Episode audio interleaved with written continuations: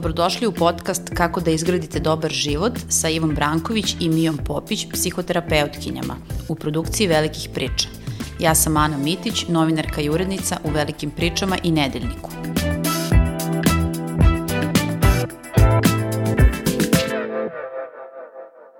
manifestujem da će ovo biti jedna od najboljih epizoda. Ako vam nije jasno šta sam htela da kažem, bit će vam jasno u nastavku. društvene mreže zatrpane su e, samoprozvanim life coachovima, influencerima, ljudima spornog obrazovnog profila koji nude self-help koncepte, psihološke savete, recepte za samopomoć, a sve zarad navodno boljeg mentalnog zdravlja.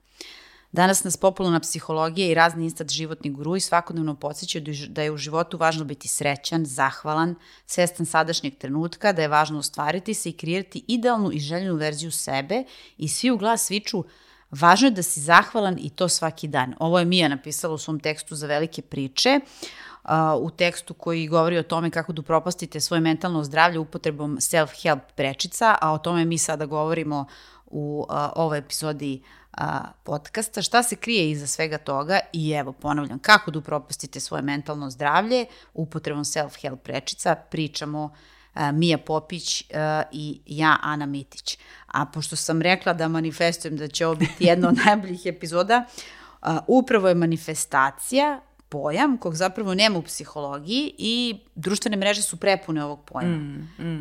gde god da idete, ponesite sa sobom svoje manifestacije. Da. Šta znači ovo? Ovo je jedan od tih uh, koncepata uh, self-helpa koji Jest. zapravo mogu da nanesu ogromnu štetu mentalnom zdravlju, o čemu mi sada ovde Apsolutno pričamo. I, i, i stvarno ti hvala što razgovaramo o ovoj temi. Ja sam konačno dovoljno hrabra, a i dovoljno sam ljuta, pa odatle i moja hrabrost da konačno pokrijemo i ovo. Dakle, um, mislim, manifestacije na taj način kako se plasiraju na društvenim mrežama i u tim nekim kvazi spiritualnim učenjima, toga svakako nema u psihologiji, iako ima srodnih pojmova. Dakle, recimo jedan pojam, naučni pojam kojim se ja bavim u svojoj doktorskoj disertaciji je samo efikasnost i to je uverenje da ti možeš da ostvariš određeni cilj, ali to uverenje, recimo tvoje uverenje da možeš da vodiš ovaj razgovor sa mnom, pa si samo efikasna u tome. Bazirano je na tome što si uh, pripremila te papire, pročitala si moj tekst, još si nešto dodatno uradila, uh, već si nekoliko podcasta na ovu temu vodila i na mnoge druge teme. Znači, tvoja samo efikasnost oslanja se na tvoje iskustvo, na neko učenje, na neki feedback koji si dobila i slično.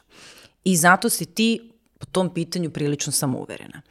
Manifestacije onako kako se plasiraju na društvenim mrežama svode se na to da ti vizualizuješ, znači vizualizacija je korak pre manifestacije, i svodi se na tu jednu ideju s kojom ja imam ogroman problem, a to je da sve što naš um smisli, on to može i u realnosti da manifestuje.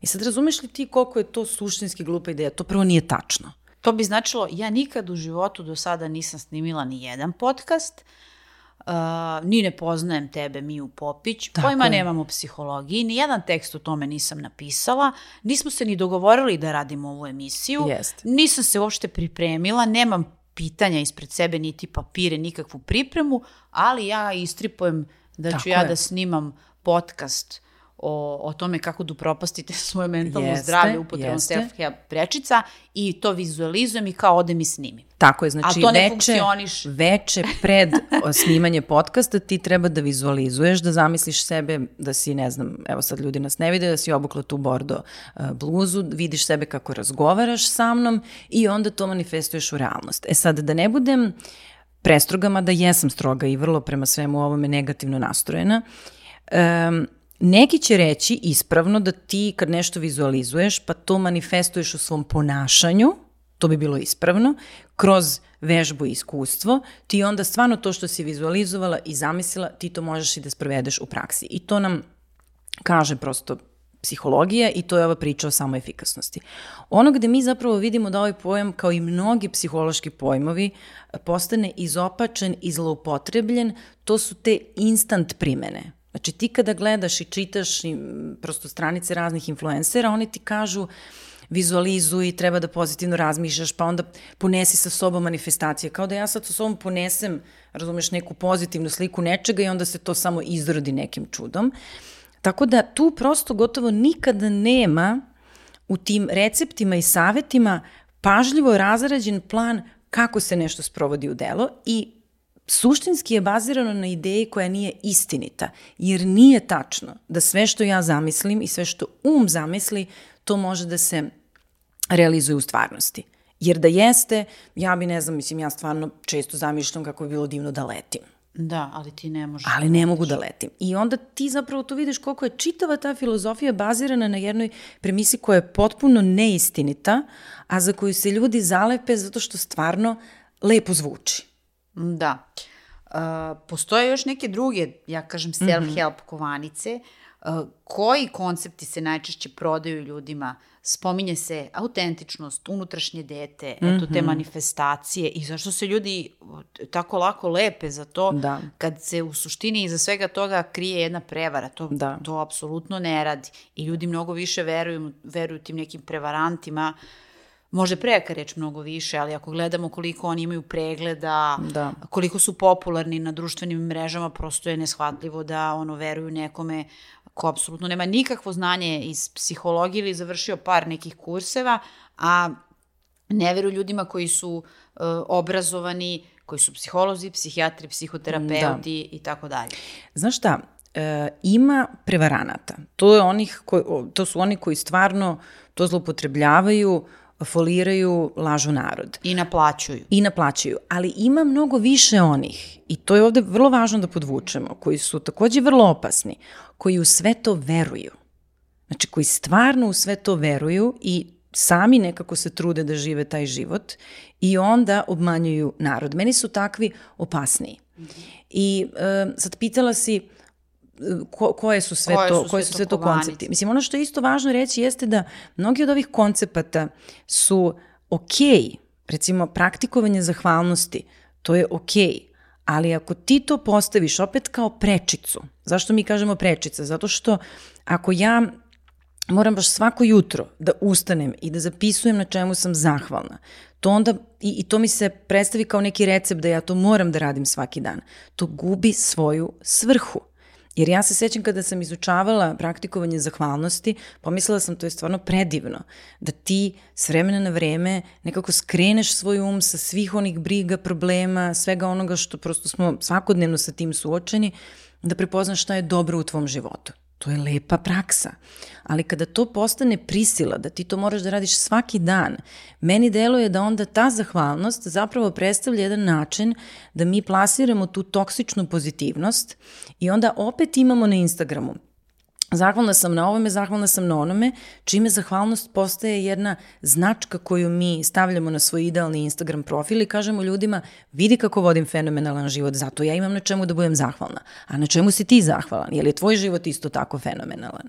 I onda tu zapravo vidimo da zahvalnost kao jedan dobar pojam postaje izopačen, zloupotrebljen i on služi zapravo plasiranju jedne toksične pozitivnosti koja se kosi sa onim kako, kako izgleda naša unutrašnja realnost. Mislim, Znaš, u, u kliničkoj psihologiji postoji ime za ljude koji su svaki dan srećni. To se zove manija. Mm -hmm. Što je manično ponašanje. To prosto postoji klinička, kako bih rekao, kategorija da. za to. E, meni tako deluje Instagram ponekad. Da nas prosto napadaju sa svih strana sa tim maničnim porukama Budi srećan, budi pozitivan, budi zahvalan. Ti si kreator svoje sudbine, a kao šta ćemo sa onim danima kad bi samo malo da prilegneš, nije ti ni do čega i da dozvoliš sebi da budeš tužan. Pa onda odeš kod tog nekog Tako je da te odmah boostuje. Da, te, da ti da odmah inekciju da. da budeš srećan. A, ajde malo da prođemo kroz to šta se sve ljudima prodaje i nudi pa zarad pa recimo... njihovog mentalnog zdravlja, u stvari te prečice koje na kraju štete mentalnom zdravlju jer ne rade. Znači, tu samo da pojasnimo, neki od ovih koncepata, osim ovih manifestacija i vizualizacija koje su stvarno nekako ne znam kojim putem ušle u tu popularnu psihologiju, Većina ovih drugih pojmova, kao što su zahvalnost, autentičnost, e, komunikacija sa svojim unutrašnjim dete, detetom, e, to kako misliš, tako će da ti se desi. Znači, to su sve psihološki koncepti koji su dobri i valjani, dok ne postanu zloupotrebljeni preteranom primenom. E sad, autentičnost je svakako jedan od I e, ja kada sam na, na kongresu psihoterapeuta pre par godina, e, baš sam ovaj, držala prezentaciju na temu autentičnosti u psihoterapiji, jer ono što mi psihoterapeuti znamo jeste da kada negujemo jedan autentični stil, u psihoterapijskom radu nama naši klijenti veruju, mi kreiramo jedan odnos poverenja i autentičnost psihoterapeuta je vrlo važna. Međutim, kada sam krenula da čitam knjige od, ne znam, filozofije egzistencijalizma do raznih doktorata napisanih na tu temu, ja sam shvatila da je autentičnost kao neki ono penušavi uh, balon. Ti kad pokušaš da je uhvatiš, ti je gubiš. Znači, niko ne može da bude autentičan namerno. A zašto je taj pojam toliko danas plasiran? Svi o tome pričaju. Svi da. o tome pričaju zato što se autentičnost dobro prodaje. Jer ovo pođe od sebe. Koga, od koga ti kupuješ usluge? Kod koga ideš i vraćaš se? Bilo da je to na pijaci osoba ili bilo koja druga vrsta usluge. Ti se vraćaš onim ljudima kojima veruješ. Autentični su oni ljudi kojima mi verujemo. I zato je taj pojam toliko zloupotrebljen, zato što je druga strana autentičnosti zapravo priča o prodaji. Idemo kod autentičnih ljudi jer njima verujemo i njima ćemo radi da damo pare. I zbog toga svi hoće da budu autentični, a kada pogledaš literaturu i šta nam ona kaže na tu temu, Ona kaže da je autentičnost nekako satkana od nekoliko pojmova, ja ću ti ih sad navesti pa ćeš vidjeti koliko su oni subjektivni i koliko je to teško uhvatiti. Ne možda ideš na kurs autentičnosti. Jedno je otvorenost iskrenost prema sebi, dozvola da drugi ljudi vide ko si ti, da pričaš i o svojim greškama, da pričaš o tome kako se osjećaš. Intersubjektivnost, to znači ja sam autentična u odnosu na tebe, ali nisam uvek autentična. Nekada sam potpuno, kao evo dok sad razgovaram sa tobom, osjećam se psihološki bezbedno, mi imamo dobar odnos, lepo sarađujemo i ja sad mogu ovako da budem ljuta na, na ove samoprozvane koučeve i moglo bi se reći da sam, recimo, ako bi merili autentičnost, sad sam baš ono iskrena, otvorena, direktna i delim neka svoje iskustva. Ali to nije u svakom odnosu tako. Da. I poslednja i ključna je samosvest. I tu zapravo vidiš koliko je autentičnost neuhvatljiva. Jer autentični su oni ljudi koji su samosvesni. Samosvesni su oni ljudi koji idu na psihoterapiju, rade na sebi, preispituju sebe, kritički razmišljaju, ništa im se ne podrazumeva.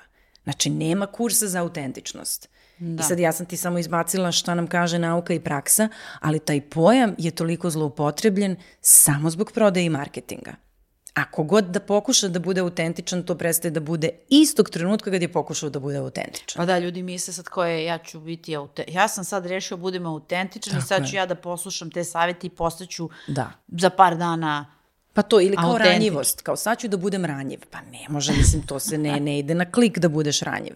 A šta je sa unutrašnjim detetom? O tome se isto mnogo priča. Šta, šta to stvarno znači, a kako nam ga predstavljaju zastupnici self-help, tih lažnih koncepata, kad ga izvrnu? Meni je ta tehnika divna i ja sam o njoj najviše učila iz šema terapije i, i uh, predivne knjige koja se zove Osmislite život iznova, mada postoji ova knjiga Dete u tebi treba da pronađe svoj zavičaj. Štefani Štal, tako? Da. Uh, problem sa tom tehnikom je što od toga da treba da prigrlimo ranjivo dete uh, u sebi, dođemo do gaslightinga, to je razluđivanje tog deteta i to sam naučila slušajući baš jednu influencerku i pomislila sam, bože, ona priča o tome kako ide na psihoterapiju, kako radi na sebi, to je bila muzika za moje uši, kao konačno influencerka koja ono ne, ne plasira dukseve stvari, odeću, nego priča o tome kako treba da se radi na sebi. I slušam sad ja i ona kaže, i onda sam videla tu devojčicu i kao ona je bila tužna i ja sam joj rekla, nasmiješi se, budi vesela. I to ti je po definiciji gaslighting. Znači ti njoj daješ drugu realnost od one koju ona u datom trenutku ima. I opet je to, ta, i to jedno forsiranje i pritiskanje da se misli pozitivno. I to je potpuno, kako bih ti rekla, kad ta tehnika ode u potpuno pogrešnom pravcu. Tako da, e, što bi rekao jedan moj kolega, svaka tehnika, svaki dobar psihološki koncept može da pronađe način da postane izopačen u zavisnosti od načina kako ga mi upotrebljavamo i u zavisnosti od cilja koji imamo.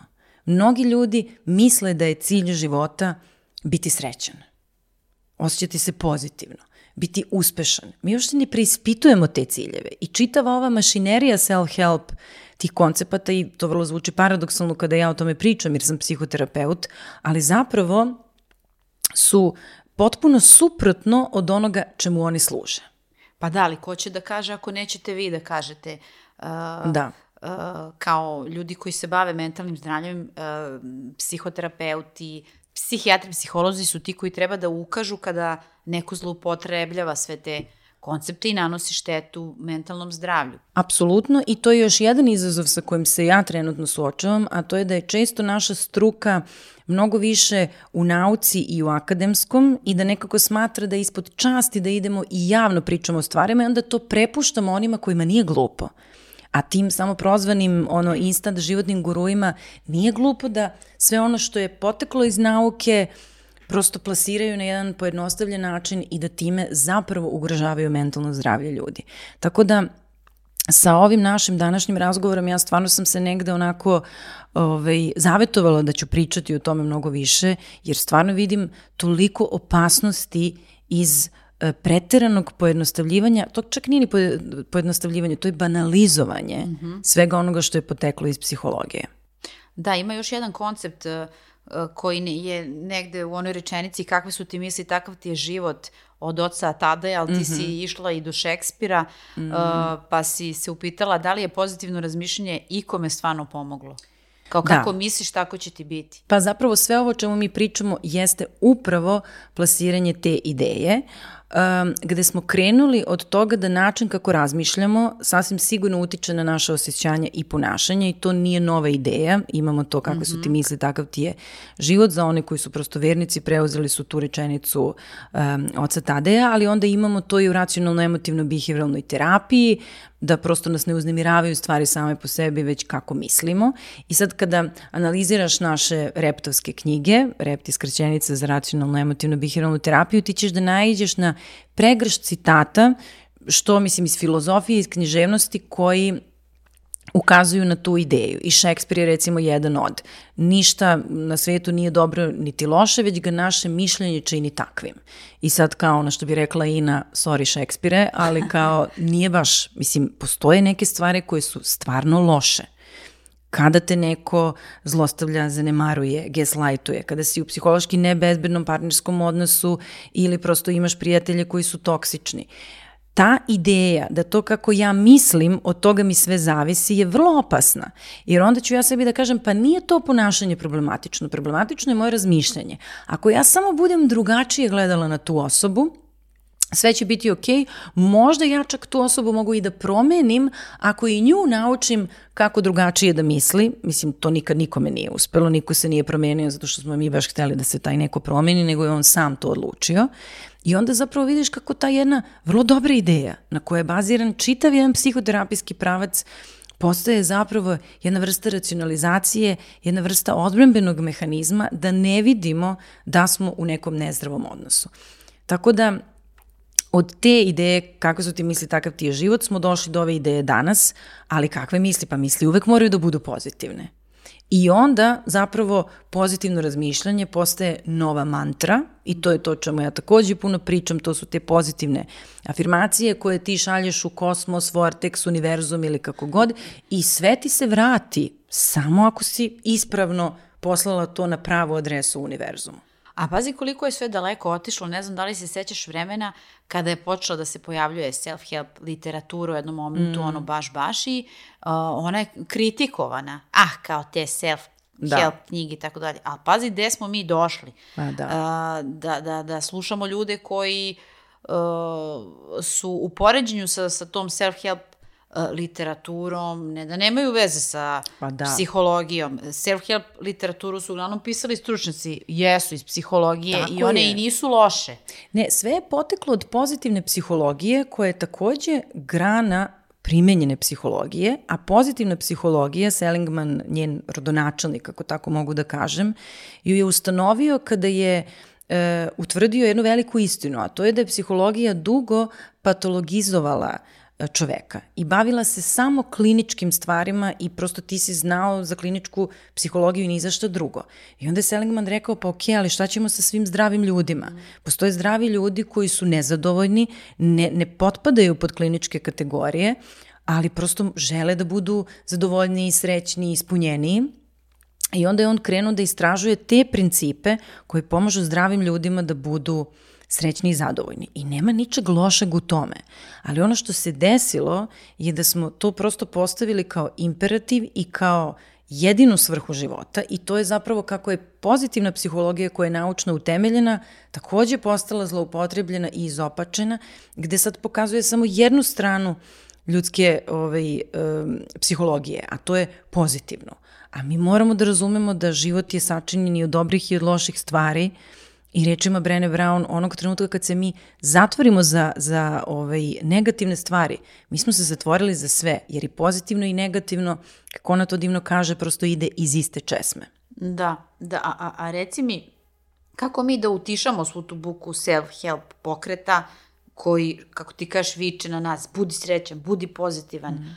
uh, uh, budi zahvalan i, i kome, kome ljudi da veruju. Uh, jer ljudi nemaju dovoljno znanja iz psihologije i ne treba ih osuđivati zbog Naravno. toga, nego jednostavno treba objasniti zašto ovakvi koncepti nisu dobri, zašto negativno utiču na mentalno zdravlje i kako da negde u tom moru raznoraznih gurua, mm. koučeva i tako dalje, znaju ko stvarno ima znanje i ko može da pomogne, a ko zapravo može da im nanese ogromnu štetu i da ih dovede u zabludu. Znaš što, ja sam ovde uradila jedan eksperiment prošle godine um, i možda je ovo stvarno prava prilika da sa ljudima to podelim, da bi im pomogla da dođu do nekog svog puta i načina.